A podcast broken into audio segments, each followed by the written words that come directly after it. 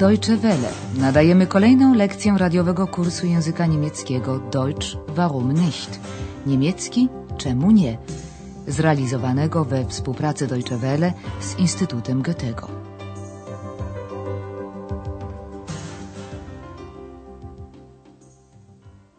Guten Tag, liebe Hörerinnen und Hörer.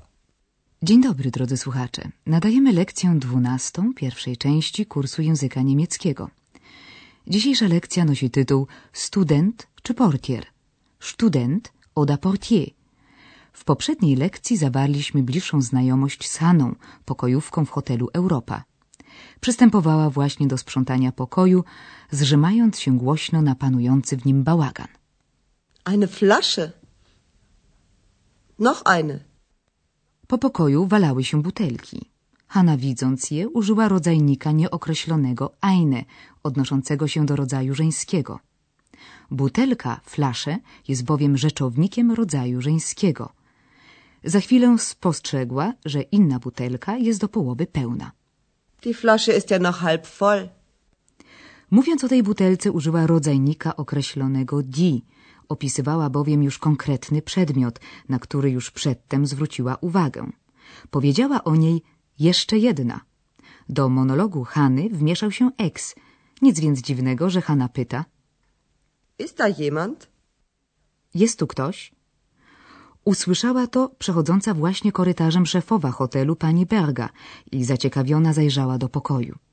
Nic jednak nie dostrzegła, bowiem ex, jak wiemy, jest niewidzialny, za to dobrze słyszalny. Słysząc głos i nie mogąc dostrzec osoby, do której on należy, pani Berga powiedziała, Komisch. co odpowiada polskiemu dziwne, zabawne.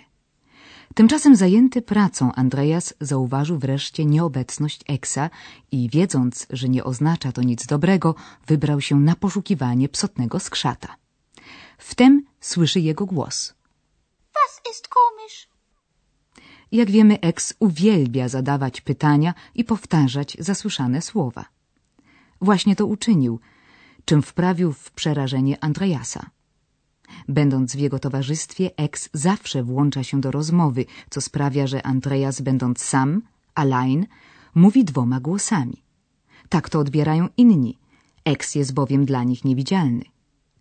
Posłuchajmy, jak Andreas wybrnie z opresji. Zwróćmy przy tym uwagę na zaimek wir, my. Komisch. Was ist komisch? Ist da jemand? Ja, wir.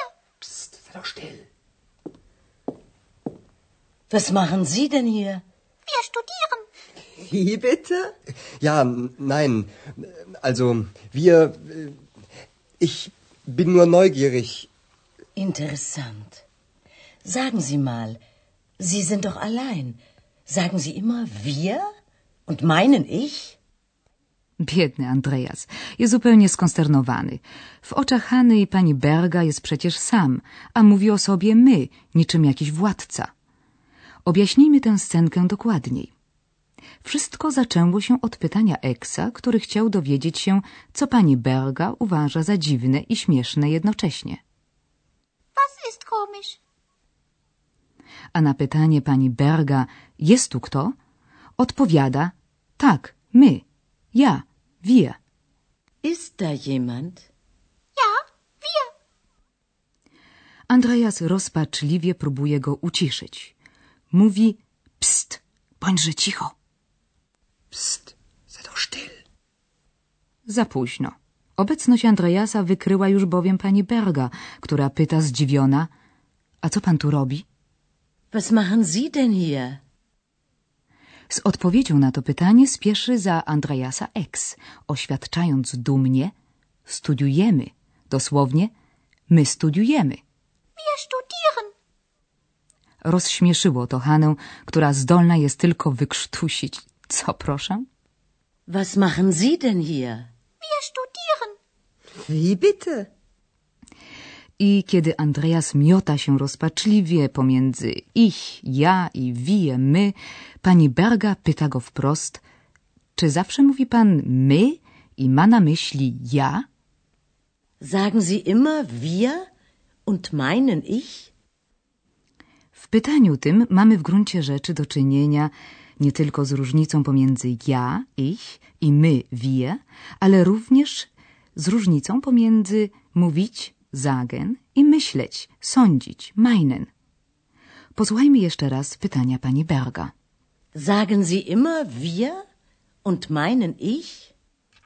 Posłuchajmy, jak potoczyła się dalej rozmowa pomiędzy panią Berga, Haną i Andreasem. Proszę starać się ją zrozumieć, nawet jeśli nie wszystkie występujące w niej wyrazy są dla państwa jasne. Dla ułatwienia dodajmy, że chodzi w niej o rozmaite zawody, Berufe. Sagen Sie immer wir und meinen ich? Nein, natürlich nicht. Sie sind neu hier, oder? Ich glaube, Sie sind der Portier. Stimmt. Und warum sagen Sie, wir studieren?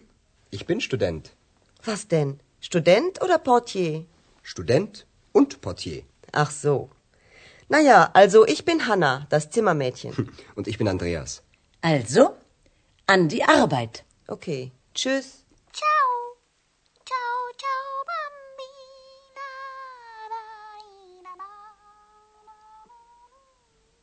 Trakcie rozmowy Hanna zdziwiła się, że Andreas, o którym wie, że jest nowym portierem, mówi, że jest studentem.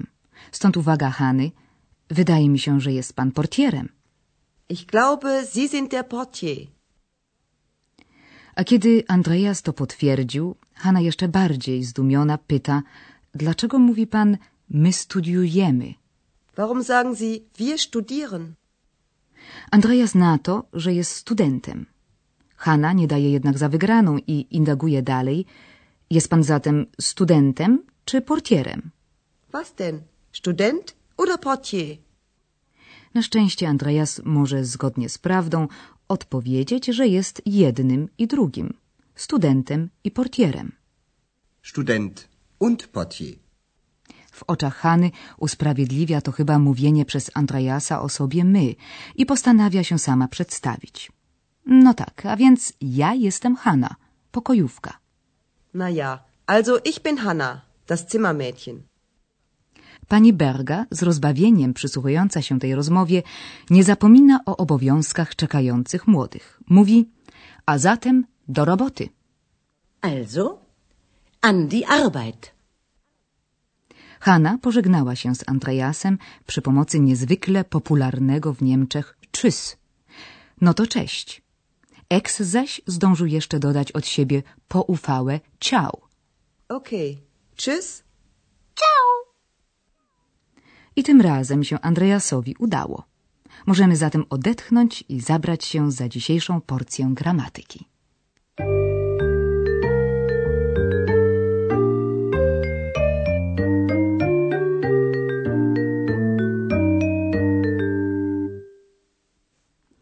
Zaczynamy od rzeczy dobrze już nam znanej.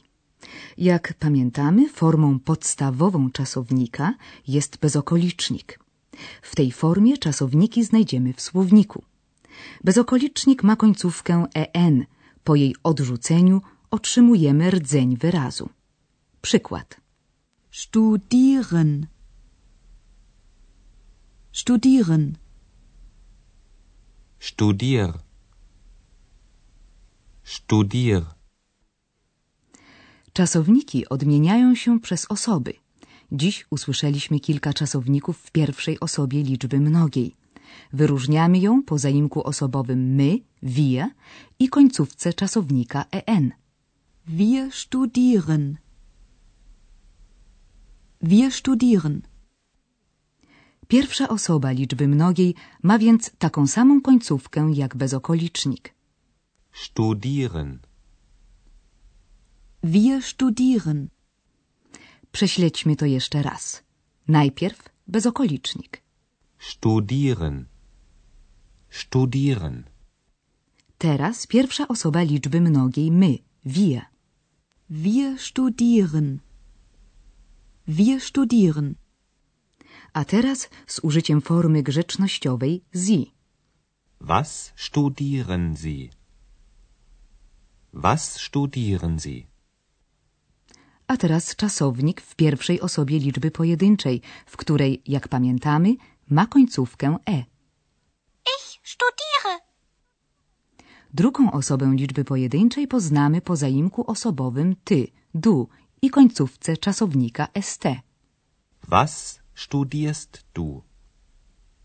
Was studierst du?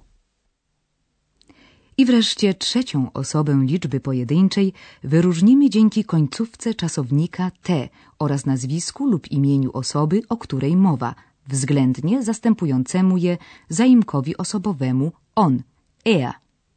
Andreas studiert. Er studiert Journalistik.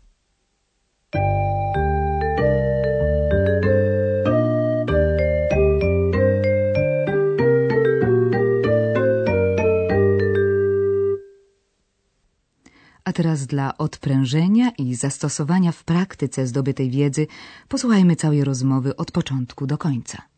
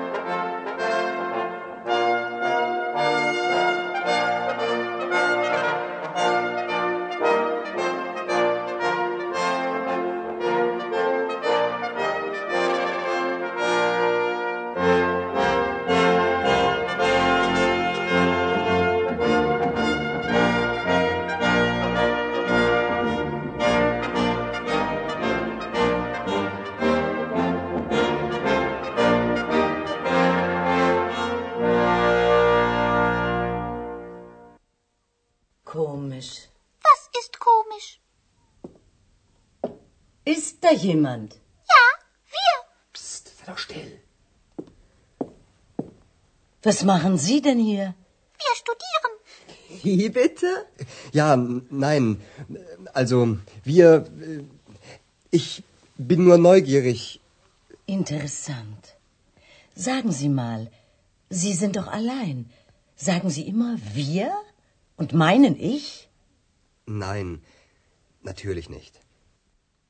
W dalszej części rozmowy Andreas przedstawia się Hanie jako portier i student w jednej osobie, ta zaś w rewanżu jako pokojówka.